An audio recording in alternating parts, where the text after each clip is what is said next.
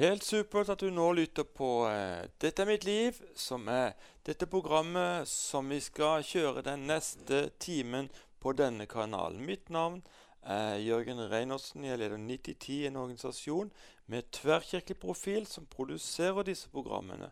I dag er jeg i Skien, som er fylkeshovedstad i Vestfold og Telemark fylke.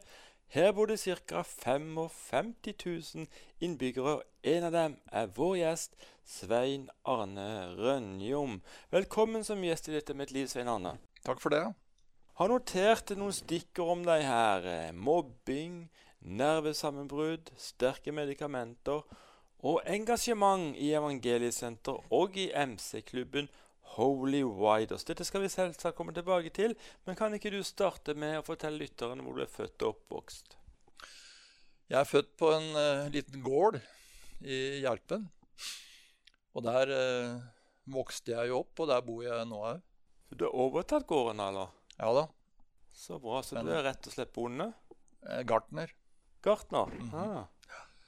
Men den åkeren er jo så liten nå for tida at han leier jo bort jorden, da. Så mm. Skjønner. Ja, hvordan var oppveksten din? Eh, hjemme hos mine foreldre var det jo veldig fint. Jeg hadde snille og gode foreldre. Så eh, på barneskolen så opplevde jeg no, en del, nok en del mobbing som eh, førte jo det til en del videre i livet, da. Så eh, Men eh, jeg eh, hadde jo egentlig hva jeg sier, veldig bra barndom. Gode lekekamerater og så videre. Hvordan starta denne mobbinga? Nei, det var vel noe av det at jeg aldri tok igjen. Så da blei jo bare en dust stående der, da. Og, eh, og jeg husker en eh, episode med at jeg var det var jo en som sa til meg, at, eller sa til de andre der, at uh, han blir jo aldri flink til å spille fotball. Og det er ikke noe rart i. Han får jo aldri lov til å være med. Nei. Så det å stå utenfor og, og, bare kikke på de andre leka, det, det var uh...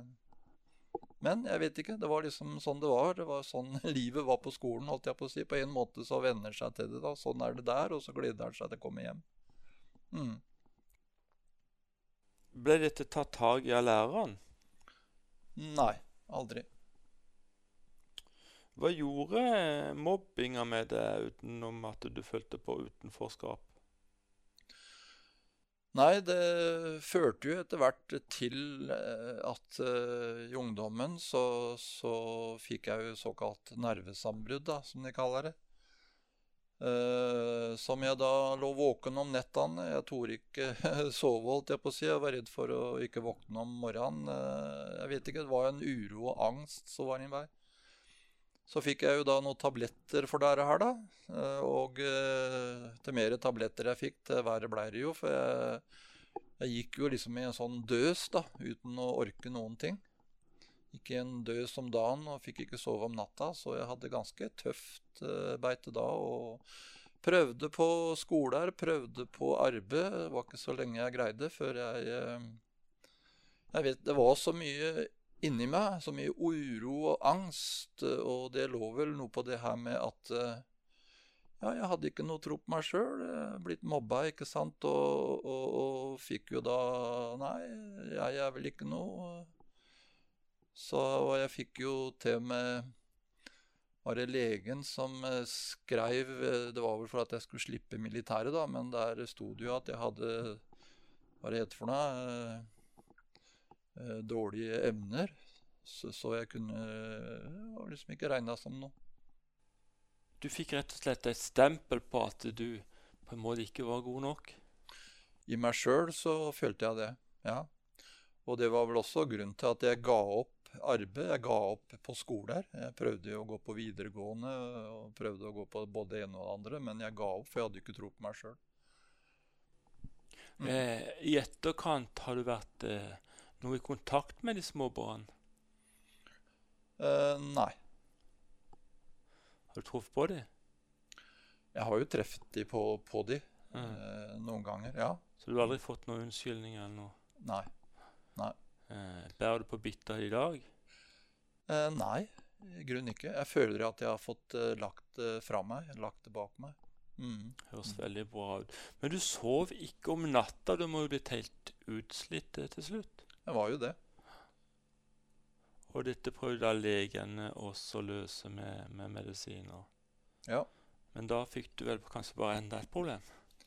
Ja da. Det, som jeg sa, jeg blei jo Gikk i en sånn sus og dus.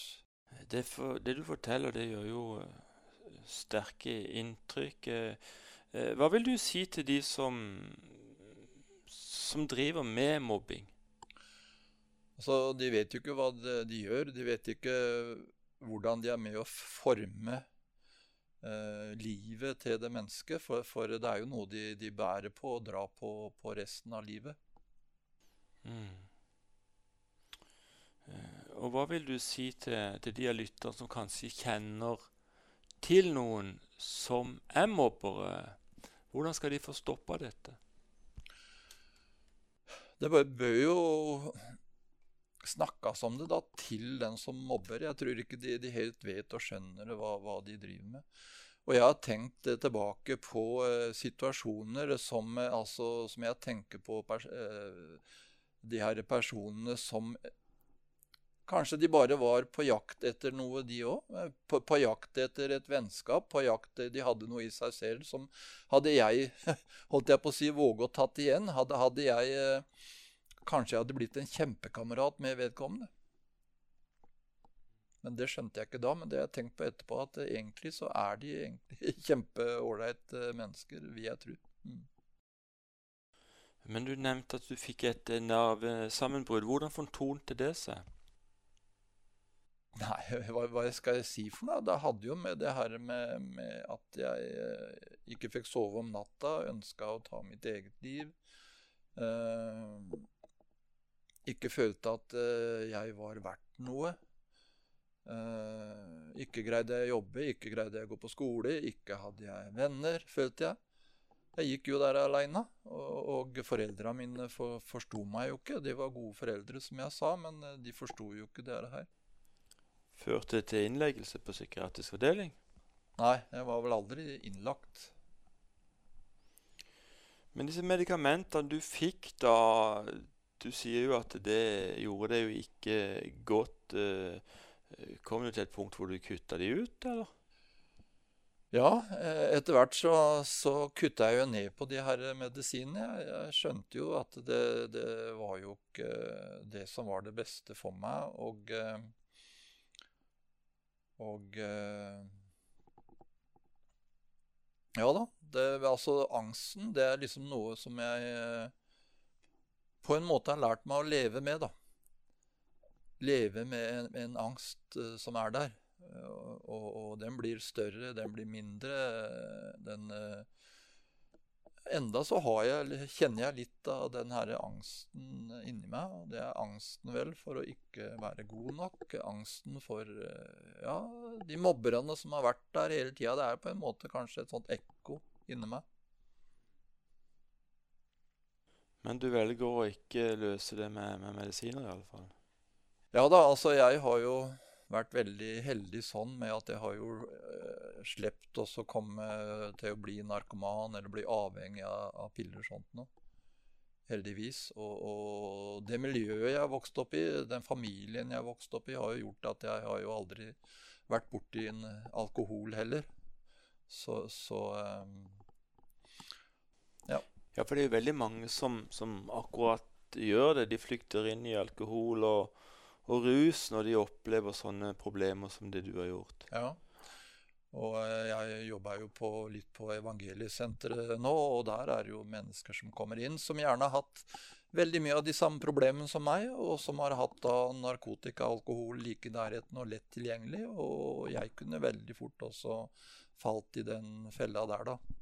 Og da får du brukt de erfaringene du har. Ja, veldig. Veldig. Altså da, da føler du med vedkommende, ikke sant? Du, du merker, du kjenner eh, hvordan du har det. Mm. mm. Svein Arne, vi må komme inn på dette her at du var ganske så ung når du tok et valg om å følge Jesus. Hva skjedde?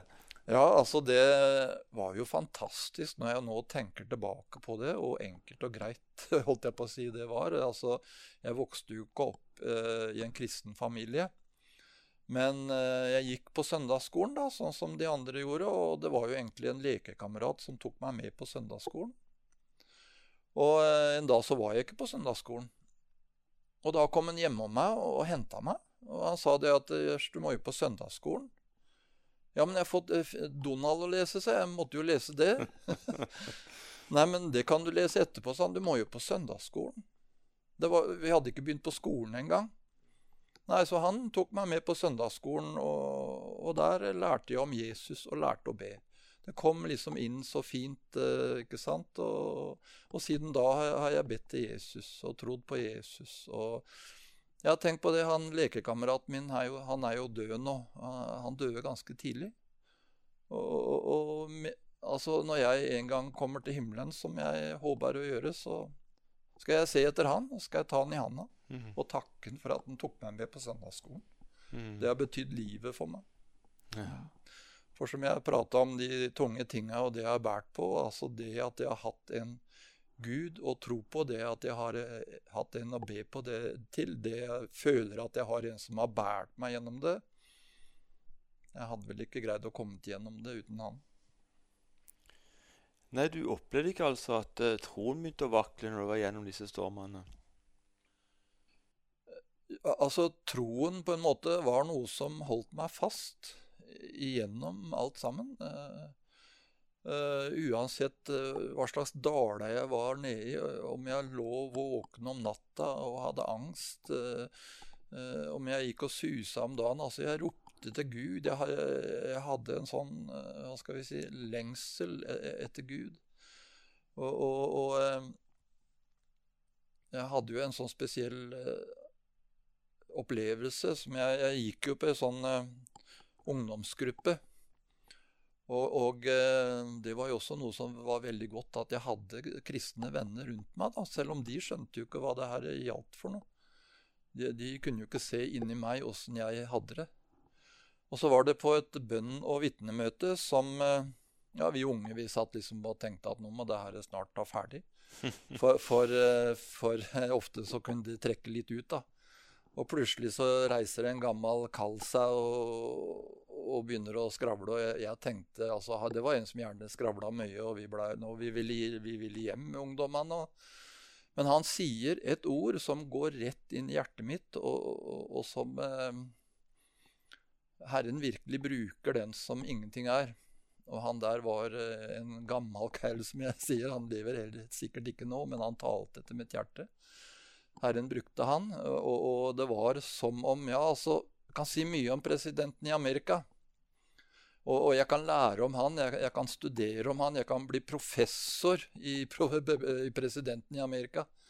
Men, men uh, om han kommer hjem til meg, om han banker på døra mi, og han, og han kommer og så sier han 'Hello, I need you', så er jo det et helt annet forhold.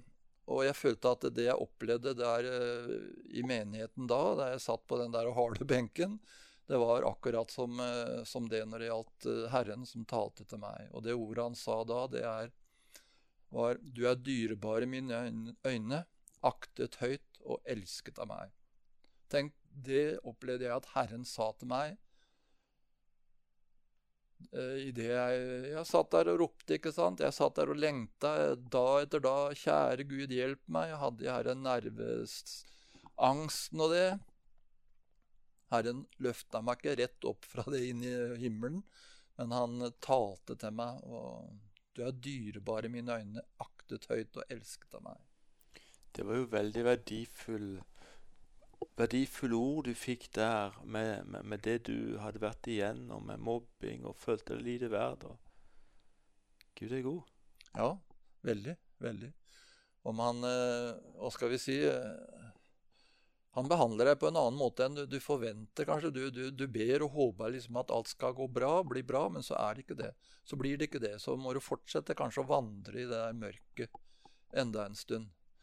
Men, men det her med, og nettopp det her med som jeg har opplevd, at de, de menneskene som har talt mest til mitt hjerte, de menneskene Herren har brukt mest, det er de hjelpeløse, de, de som blir sett ned på, de, de, som blir ringeaktet i verden.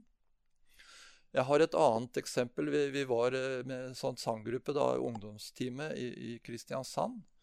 Og, og, og der blei vi ungdommene Vi var en stor gjeng, så vi blei plassert hjemme hos for forskjellige folk for, for, overnatting.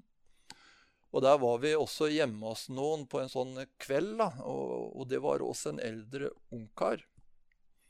Og han onkelen han blei jo fakta mobba av de eldre, og de prata bak ryggen på han, og han der og der og sånn og sånn, han ba kunstige blomster, og, og de lo av han, da. Men på veggen så sto det et bibelvers, og, og, det var eh, Det er også noe som har, har båret meg resten av livet. Så Herren brukte altså den personen som ingenting var, han var kanskje litt kort i hodet, det, vet, det, var han kanskje. Men altså, der var Herren og talte til meg og, og ga meg noe for resten av livet. Uh, og det bibelordet, det var uh, et som Paulus skriver.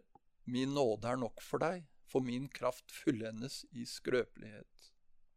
Han var skrøpelig, Bibelordet han hengte på veggen, talte til mitt hjerte. Jeg var skrøpelig. Der fikk jeg et møte med Herren. Mm. Du hører på programserien 'Dette er mitt liv'. Mitt navn er Jørgen Reinersen. I dag så besøker jeg Svein Arne Rønjom i Skien. Og vi sitter her faktisk i et uh, lokale til Holy Riders NMC-klubb, og det skal vi snakke litt om etter hvert, eh, Svein Arne. Men først så vil vi snakke litt om eh, en kamerat du fikk. For det er jo sånn at eh, du sleit veldig med nerveproblemer og sånt, men så fant du en som hadde det enda verre enn det. Ja, det var skal vi si, litt et under. Eller det var Herren som leda oss sammen. Det er ikke noe tvil om. Eh, I menigheten der jeg var, så hadde vi et ungdomsarbeid. Og der var det da noen som gikk ut på byen for, for å be inn ungdommen da, som de traff i byen på, på møter. Eh, ungdomssamlinger. Og, og, etter at vi hadde en sånn ungdomssamling, så var det kanskje hjemme hos noen aleine, da. Og der ble jeg sittende uh, og prate med en, og, det var veldig interessant. Jeg hadde vel mye av det samme bakgrunn, med, med vokst opp på gård og, og sånn. Og, og, enden på visa er at jeg, han sitter og ber frelsesbønnen. Uh, og en annen ting som gjør at vi blei veldig gode venner og traff hverandre liksom så veldig det, det var, Han også hadde jo veldig nerveproblemer, da og enda mer enn meg. Og det her førte til et veldig godt vennskap. Vi, vi reiste forskjellige steder. Vi var i hytter vi var på, og, og, og, og, vi var på turer, bilturer sammen og på fisketurer sammen. Og vi behøvde ikke si så mye. Vi, vi skjønte hverandre. Vi så på hverandre når vi hadde det vanskelig. Vi kunne oppmuntre hverandre. Vi, og, og, ba det sammen. Leste i Bibelen sammen. Han lengta etter det her med, med, Gud, og etter han har vært en del ute på, på, på, byen ikke sant? med, med drikkekamerater som ville ha han tilbake igjen, men det ville han ikke. Og det her førte fakta til oppstart av et uh, ungdomsarbeid og da var det liksom én etter én som blei Jeg hadde jo flere andre gode kamerater også, men det blei liksom én etter én som blei med i en sånn gjeng som vi kalte oss Unge kristne.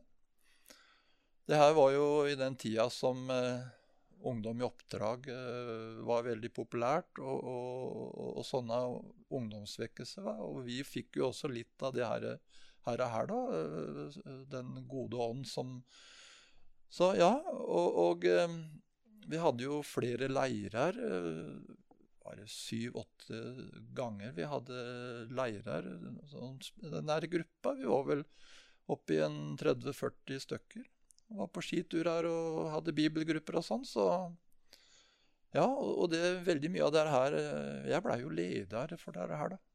Og veldig mye av det her var jo på grunn av han ene personen, eh, ja, også en par til, som vi blei en sånn veldig god gjeng.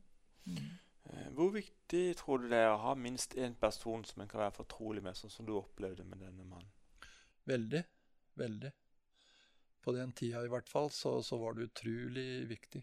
Uh, og uh, Vi reiste på hytta sammen, vi to. Vi kunne bare sitte i en krok, og, og vi leste Bibelen sammen, og vi ba sammen. Og, og ja, det, det, er utrolig viktig. Mm. Den ungdomsgruppa som dere starta opp, dere var også på byen og inviterte med dere folk? Ja da. Ja da. Så, så um, Og vi var veldig åpne da for å få med oss folk. Og, jeg tror det var veldig mye Eh, egentlig kristen ungdom som ikke hadde noe spesielt sted å være, som blei med, men også ikke-kristne som ja, det her var fint, og, og, begynte å bli med i gjengen, og etter hvert begynte å snuse på det her med Guds ord, og, og møtte Jesus i, i, i det her. Mm. Var det ikke så at du også traff ei jente i dette miljøet? Jo da, det, det var ei jente som jeg hadde egentlig Vi har vært sammen holdt jeg på å si, i den ungdomsgruppa i flere år. Vi, vi plutselig oppfatta at ja, men ja, kanskje vi skal gjøre noe mer ut av det. ja, ja og nå er hun kona di? Ja da. Vi er godt gift. Vi har to barn. Ah, herlig. Eh, du skifta ganske ofte jobb eh, ei stund. Men eh, så ble du en stabil arbeidskar. Hva skjedde? Uh, hva skjedde? Ja, altså, jeg begynte vel etter hvert å fatte og forstå at jeg eh, kunne få til noe, jeg òg. og at jeg uh, var jo ikke noe dårligere enn de andre. Og, og det begynte vel egentlig med Jeg gikk på folkehøyskole. og, og oppfatta fakta at jeg var jo, var jo ikke noe dummere enn de andre. Jeg greide fakta å få bedre karakterer enn de andre.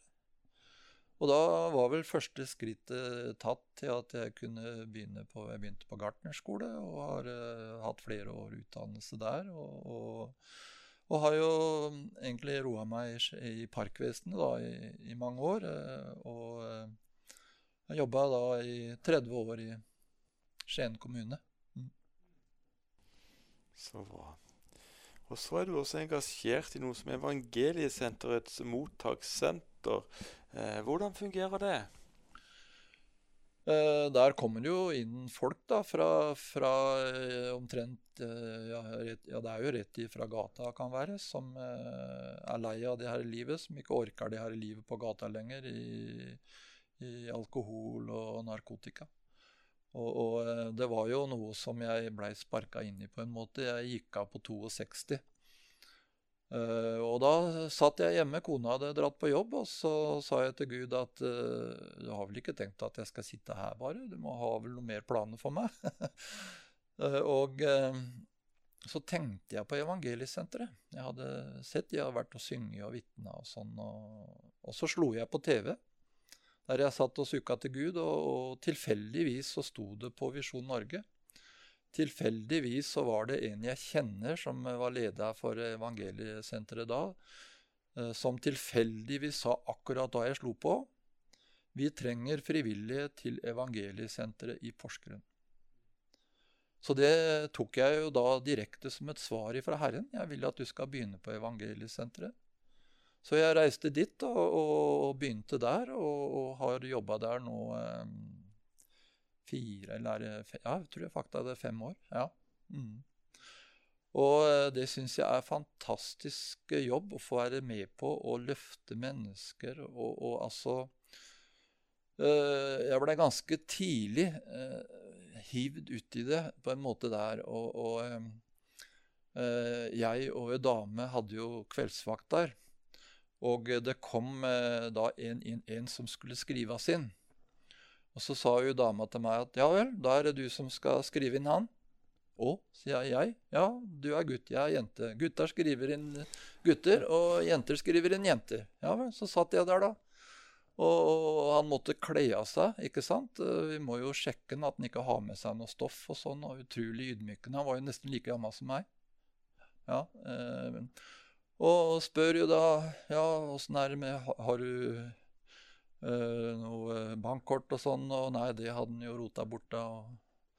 Ja, du bo, hvor er du, bo, bor du hen og sånn? Nei, jeg har bodd på gata ja, de siste åra. Ja. ja, har du noe mer med deg eller noe? Nei, jeg har bare denne plastikkposen, ja, med skittentøy. Altså, det De som møter og blir kasta rett inn i det, hvordan mennesker har det på den måten mange ganger. Og, og så er de der i uke. Kanskje har vært der 14 dager. Og, og, noen av de vet jo omtrent ikke hvor de er hen når de kommer inn. Og, og, så blir de da sendt videre. Og så treffer du de kanskje en god stund etter, et år eller to. Kanskje treffer de på Østerbo, som de er på en sånn sommerkonferanse der. Og, og mennesker som er, kanskje har gifta seg, har fått tilbake sertifikatet, er i jobb. Altså det er en fantastisk å, å se og oppleve det. Mm. Ja, det er rikt. Fantastisk at uh, dere på Evangeliesenteret kan gjøre en så utrolig god jobb for så mange mennesker. Uh, du er også engasjert i, i, noe som heter Holy Widers. Du må fortelle litt om det. Ja, det betyr det, det går vel tilbake til eh, jeg var ung. og og så mine nabogutter og gamle lekekamerater og sånn begynte å få motorsykkel, og jeg hadde jo aldri drømt om at jeg skulle ha noen motorsykkel. Så sa jeg til faren min, ikke noe sånn bebreidende, men jeg husker jeg sa vel som så at ja, jeg skjønner jo at de får motorsykkel, de har jo penger. Vi har jo ikke råd. Altså Faren min hadde jo innprenta det i huet mitt at nei, vi har ikke råd til det, og vi har ikke råd til det, osv. Så, videre. så det skjønte jeg jo, at vi hadde ikke råd til det. Plutselig så sier faren min til, til meg at uh, vi skal ha en tur til byen. Å, skal vi der? Kjøp motorsykkel. Å ja. så han kunne ikke altså da se på at andre fikk motorsykkel, og ikke meg. Han skulle også være Ja, det er klart at sønnen min skal ha motorsykkel. Og, og, det har liksom også gjort at uh, til mitt gudsforhold føler jeg at uh, altså, det er snakk om Du kan ha et uh, dårlig forhold til din far, da tenker du på Gud på samme måte. Jeg har i grunnen veldig godt forhold til min far, og, og, og Gud er en som vil meg det beste. Og eh, jeg kjørte jo på en motorsykkel, men etter hvert så var det jo sånn eh, beite som eh, Jo, vi fikk jo bekynt vi skal selge det vi har, vi skal gi det til de fattige, og skal jeg kjøre rundt og kose meg en fin motorsykkel? Det med andre som trenger pengene mer enn, jeg, mer enn meg. Så jeg sa til faren min jeg vil selge motorsykkelen. sa jeg. Å, skal du det? sa han. Ja, jeg er andre som trenger pengene mer enn meg. Kikka han på meg og så sa han, du får ikke lov til å selge, selge sykkelen, sa han. Å, sa jeg. Ikke det? Nei, det er jeg som har kjøpt den. Det er min sykkel. Nei vel, så sto den på låven eh, en stund, og så begynte jeg å kjøre med den. Og den har jeg hatt uh, mye glede av. Og uh, jeg tenker det samme nå. Nå har jeg en sykkel som er mye større. En 1800 kubikk. Og, og mange kan spørre meg ja, har du så flott og fin sykkel. Tenk på hva du kunne brukt de pengene til. På, ja, men Herren har gitt meg den sykkelen.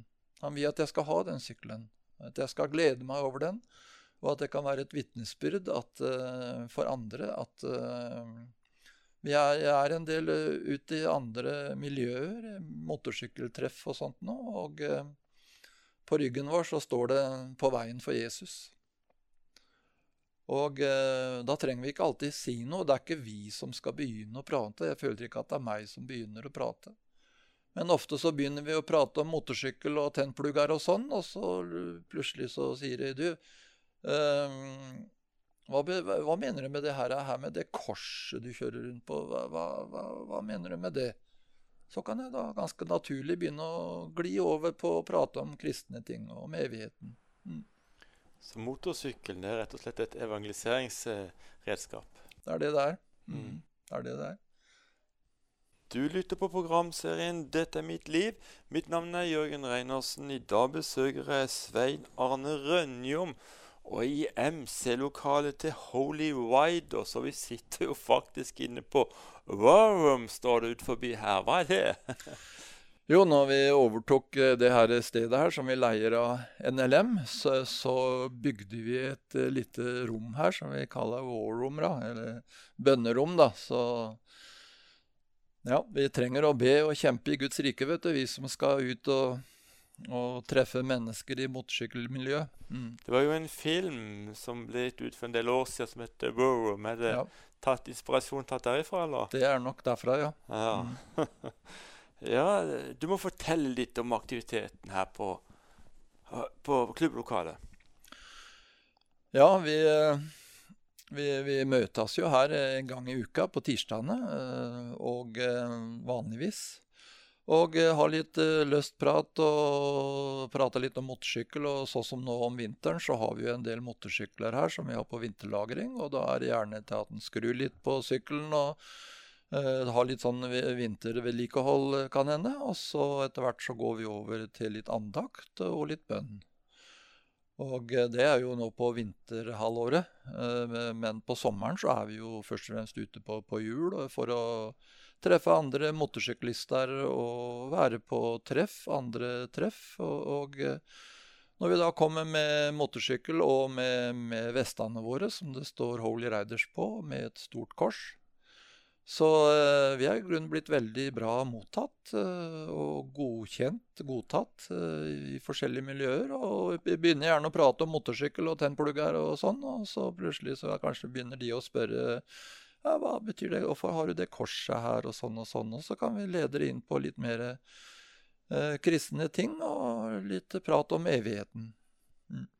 Har du lyst til å dele noen opplevelser du har hatt som en kristen? Ja, det eh, kan jo være mange opplevelser en kan tenke på. Men eh, sånn som meg, som elsker å være ute i naturen og elsker å gå på fjellet, så, eh, så liker jeg der å gå for meg sjøl. Og jeg, at, jeg tenker at Herren Jesus, når han var på jorda, så, så, så han på vårs mennesker, og han tenkte at hvordan skal jeg få de til å forstå de himmelske sannheter? Ja, så så han på noen som drev og fiska, og oi, jeg må fortelle en fiskehistorie til de. Ja. Og så så han noen som drev med sauer, og ja, men jeg må jo fortelle en sauehistorie om den ene sauen som gikk seg bort. Ikke sant?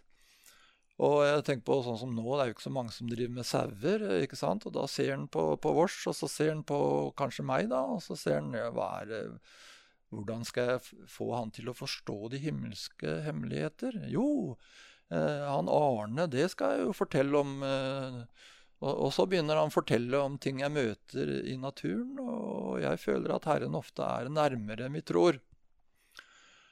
Og eh, jeg ser for meg gå på Hardangervidda og går og tusler, og gjerne utenom vanlige stier. og Klatrer opp noen steder som jeg har vanskeligheter med å komme fram, kanskje, og oi, der er den fine blomsten! Og jeg kasta meg ned på kne og tar litt til sida, og det er en sjelden blomst. Og jeg tar bilde av det og, og, legger ut på Facebook, da. Og får likes, og kanskje det er noen som jeg ikke kjenner til av de blomstene. Og, og, jeg husker det var en blomst som eh, jeg fikk jo en del tilbakemelding av noen som har mer greie på det her, enn meg. da, og, og, 'Oi, det her var en sjelden blomst. Den vokser bare der og der på, på Hardangervidda. Var det der du fant den?' Og sånn og sånn. og Den vokser jo bare der og i Alpene. Kjempeinteressant. Ja, Så får jeg litt sånn prat fram og tilbake om det. og, og legger ut på Facebook, da, ikke sant, og får likes og kjempeålreit. Men eh, da ser jeg for meg eh, Herren Jesus som går og tusler iblant oss mennesker. Og plutselig så ser han en kjempefin blomst. Han ser et menneske som Oi! Han kaster seg ned på kne. Han bryr seg ikke noe om han blir svart på knea. Han uh, skyver til sida det som dekker blomsten. Han tar bilde av det og, sender det på Facebooken i himmelen.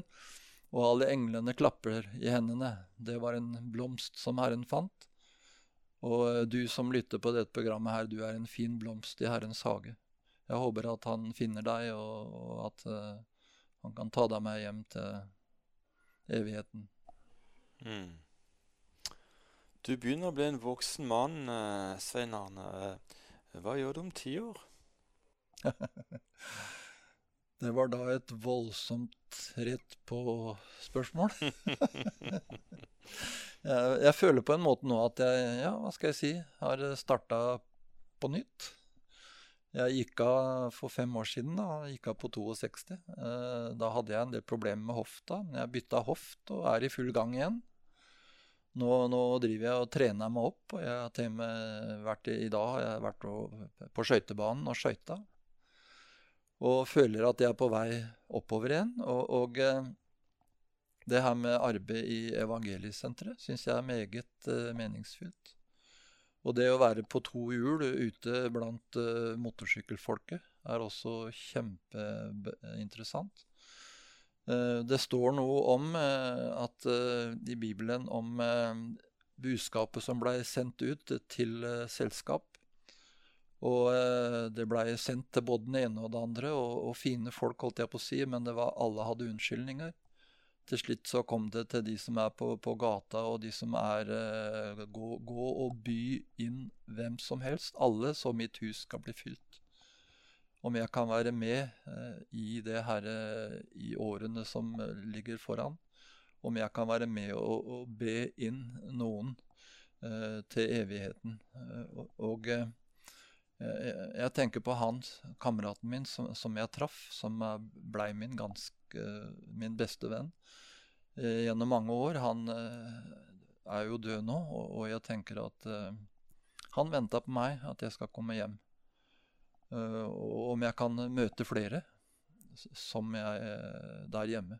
Det, det er mitt håp og min drøm. Og det her med Man har lett for å, å, tenke at vi skal nå de mange, vi skal prate med de mange. Men, men det her med bønnen om hver dag Herre, i dag om jeg kan treffe ett menneske som jeg kan bety noe for. Det er blitt en viktig bønn for meg. Veldig, veldig bra, Svein Arne. Du er jo leder her i den lokale avdelinga i Skien for Holy Widers. Er du engasjert i noen menighet også? Jeg er i Skien misjonskirke, ja. Mm. Har du noen oppgaver der? Jeg har hatt eh, litt eh, forskjellige oppgaver. Eh, nå er vel den eneste oppgaven jeg har igjen der, er jeg er leder, eller medleder, hjelpeleder for en turgruppe. Vi har jo flere bibelgrupper der, og bl.a. en turgruppe som, som da går en tur. Har med vår liten niste, går til en lav og kanskje fyrer opp et bål og steker noen pølser og, og prater litt løst og fast på veien dit. Sitter og prater litt og ber litt uh, i lavvoen, og rusler tilbake igjen. Så veldig, hva skal vi si, lavterskeltilbud. ja da. Jeg syns det var litt sterkt eh, det du delte i stad, når du var på vidda og du så en blomst og alt sånt. For, for du er jo en gartner, og Gud ja. liksom bruker din bakgrunn til å tale til deg. Ja, ja da. Spesielt. Det, jeg føler veldig ofte akkurat det her med at uh, Gud uh, bruker det som jeg snubler i, holdt jeg på å si, underveis. Og, og uh, jeg tenker på en ting til der med, med hvordan vi ser ut, hvordan vi er, hvordan, hva vi har opplevd i livet. Det, det, det former oss til ting. Det former oss til et redskap som kan hjelpe andre. Ehm, en venn av meg her i klubben, han, eh, han fikk besøk av, noen han kjente. De, de kom ikke av gårde med campingvogna si. Det her var helg, og de skulle på ferie. Men det, det, var en skrue som var håpløs å komme til, og de kom ikke på verkstedet. Så sa han kameraten jeg skal fikse noe redskap for dere. Og han hjem og, og sveisa og styra til et redskap som ikke så ut. Det, det, var krokete, det var klumpete etter sveising, men det nådde fram og greide å skru den skruen som skulle skrues. Og de kom på tur. Og, og, og den her redskapen var jo ikke noe som de hang på veggen sin sammen med all den andre fine redskapen. Den så jo ikke ut. Men kan du tenke deg at den redskapen tok en vare på? Og jeg tenker på et sånt redskap er du som føler at du har vært eh, gjennom veldig mye, som, men Herren kan bruke det. Du er blitt et unikt redskap som Herren kan bruke til å løse opp i andre menneskers liv, som ingen andre kan. Veldig bra. Svein Arne, det nærmer seg dessverre slutten av dette programmet. Kan du tenke deg å be en bønn for lytterne? Mm -hmm.